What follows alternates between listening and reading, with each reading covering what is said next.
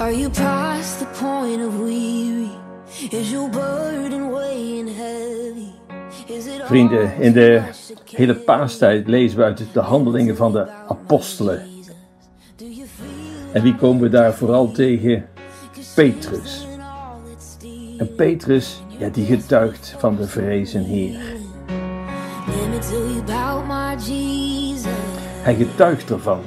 Getuigen van je geloof. Hè, dan moet je een geloofwaardig verhaal hebben. Het is deze Petrus zelf die trouwens zegt dat we altijd bereid moeten zijn verantwoording af te leggen van ons geloof. Wanneer? Altijd. Geef uitleg. Wat zijn jouw argumenten, zo wil hij zeggen? Waar is je geloof op gebaseerd? En ook, Paulus zal het ons zeggen. Ja, je moet geloof niet zonder nadenken aanvaarden. Nadenken, argumenten. Niet zo van ik geloof, ja, ik geloof nu eenmaal. Nee, we hebben goede argumenten. Ik weet, ik kom daar vaak op terug, maar het is belangrijk. Kijk naar de apostelen, kijk naar de kerkvaders, kijk naar de heiligen, kijk naar de apologeten, de theologen, de catecheten. Die hebben allemaal gehoor gegeven aan die oproep van Paulus. Ben bereid verantwoording af te leggen van je geloof. Wat typerend is voor ons christelijk geloof, voor ons katholiek geloof, dat is dat vanaf het begin van die jonge kerk, het begint bij de handelingen van de apostelen die daarvan verhalen, vanaf het begin is er veel waarde gehecht aan doctrine, aan de leer. Vanaf het begin heeft men dat ook willen vastleggen in, eh, de, in geloofsbelijdenis, in het credo. Die helderheid, daar heeft men altijd belang aan gehecht. Wat geloven we nu eigenlijk?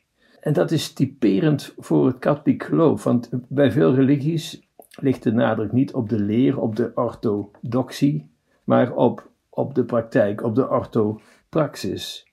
Dus niet zozeer op wat je gelooft, op de leer, maar op de praktijk. Daar komt het op aan, zo zeggen ze. Je hoort dat vandaag de dag ook heel vaak. Hè? Het maakt niet zozeer uit wat je gelooft, maar of je een goed mens bent, oftewel de praktijk. Natuurlijk, ook het christendom kent zijn moraal. Moraal, dat wil zeggen wat te doen en wat niets te doen. Het gaat over de praktijk dus. Hè? Denk aan de zaligsprekingen. Denk aan de werken van barmhartigheid. Maar toch, de kerk heeft zich nooit tevreden gesteld met alleen maar die orthopraxis. Waarom? Het begint al helemaal bij het begin, bij het scheppingsverhaal. Er zit ordening in de schepping. Dat blijkt zo duidelijk uit alles. Er zit ordening in de schepping, zoals alles in elkaar zit, zoals alles op elkaar is afgestemd. Er is een begin met een bedoeling en er is ook een einddoel.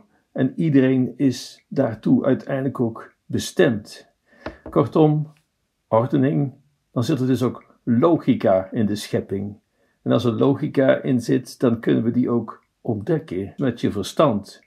En dat is behulpzaam bij het geloof. Ontdek het kompas dat richting geeft aan je leven. Het is echt belangrijk dat je op een juiste manier de woorden van Jezus verstaat. Het is niet voldoende, zoals ik vaak hoor, dat je aardig bent. Ja, ik hoop dat mensen aardige mensen zijn, dat christenen dat ook zijn, maar dat is niet voldoende. Zoals gezegd, het is bij elkaar gezet. De samenvatting van het geloof in het credo. En dat is ontstaan helemaal in de jonge kerk al bij de dooppraktijk. Geloof je in God, de schepper van hemel en aarde? Geloof je in Jezus, Gods Zoon? Geloof je in de Heilige Geest enzovoorts? Bij andere religies kom je dit soort samenvattingen, dit soort credo's helemaal niet tegen. Je komt het niet tegen bij het judaïsme, bij de islam ook niet, bij boeddhisme ook niet. Die wijzen eerder een weg aan die, en dat wijst dan weer op de orthopraxis. Maar het christengeloof heeft vanaf het begin waarde gehecht aan het helder formuleren wat ons geloof nou uiteindelijk inhoudt. En dat is ook nodig in onze tijd. Wil je een gesprek aangaan met een niet-gelovige? Ja, hoe doe je dat als je geen argumenten hebt? Als men nieuwsgierig is waarom je gelooft, moet je er wel iets verstandigs op kunnen zeggen. Als mensen enigszins belangstelling tonen, je moet wel iets te melden hebben. Je kunt niet zeggen, ik ben geen theoloog, dat moet je maar aan de pastoor of, of uh, bij de boeken van Sint Augustinus bekijken, of Thomas van Aquino. Nee, Petrus spreekt die woorden tot iedereen. Iedereen moet bereid zijn verantwoording af te leggen. Kortom, heb je woordje klaar. En dat kan alleen, denk ik, als je in het geloof ook verdiept. Hoe triest als we met onze mond vol standen staan. We hebben argumenten. De kerk heeft ook niet voor niks een intellectuele traditie. Niets dat de kerk, dat het geloof alleen voor intellectuelen is weggelegd. Dat is een heel andere, zaak, heel andere zaak. Kinderen kunnen het ook bevatten en soms nog veel duidelijker duiden dan wij. Waar gaat het om als we argumenteren? Niet om een discussie te winnen. Nee, wat dan wel? Het gaat erom dat we die ander voor Christus winnen. Dat is toch ons taak als gedoopt als evangelisten. Dat delen de apostelen, dat wordt van elke christen gevraagd. Het gaat er dus niet om om iemand vast te praten of te overtuigen van jouw gelijk en zijn ongelijk. Uh, dan zijn we echt verkeerd bezig. Je moet het goede met die ander voor hebben. Wees verstandig, standvastig. En zeg het met overtuiging. Kortom, het gaat er niet om een discussie te winnen, maar om een ziel te winnen. Nog even terugkomend op die frase die we vaak horen: als je maar een goed mens bent. Waarom is dat niet genoeg?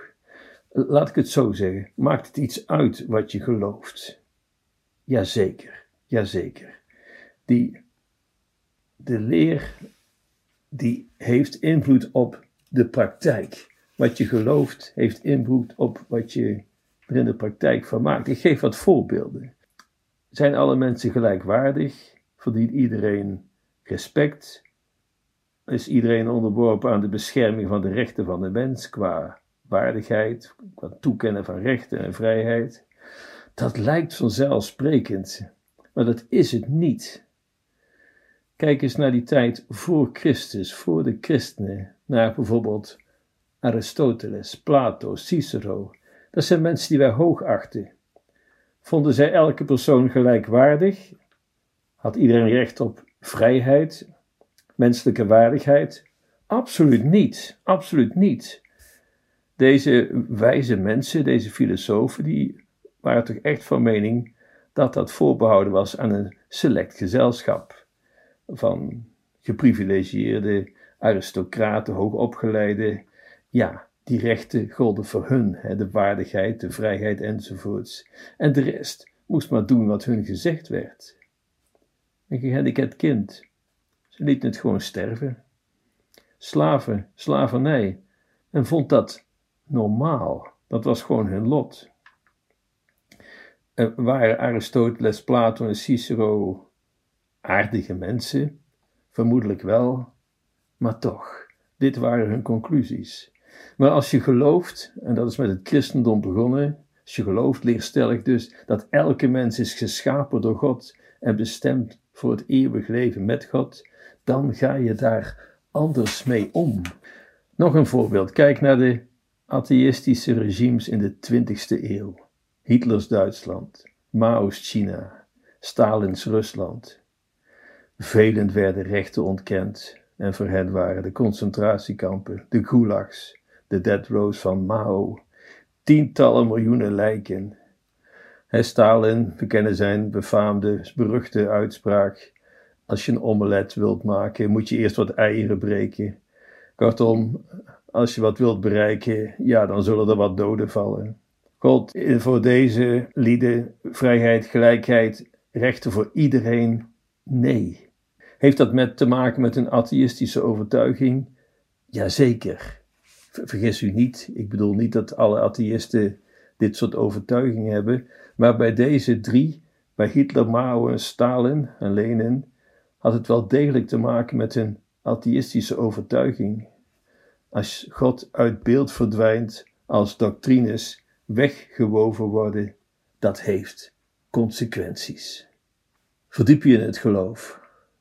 Dat leidt tot groei tot geloof bij uzelf. En Anderen zullen dat zien. En praat ermee. Doe uw woordje. Verdiep je erin. Begin met gebed. En vervolgens steek de handen uit de mouwen.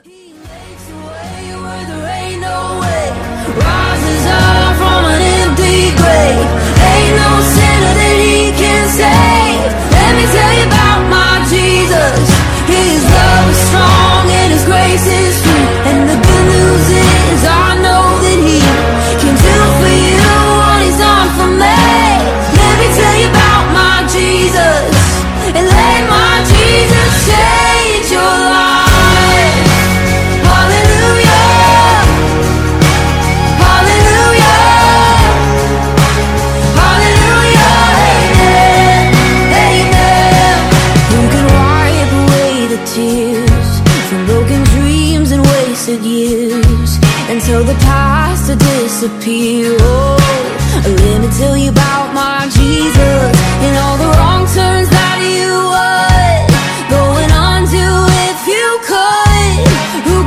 It out for your good?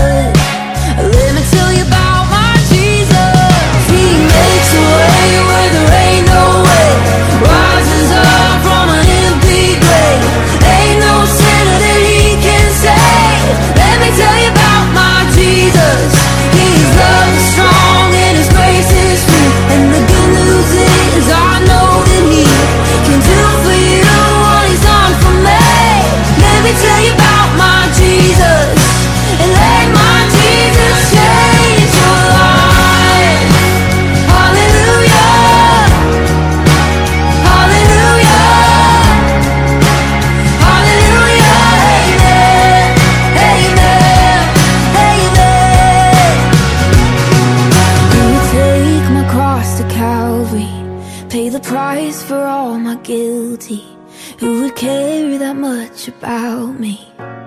Let me tell you about my Jesus. Oh. He makes a way where there ain't no way. Rises up from an empty grave. Ain't no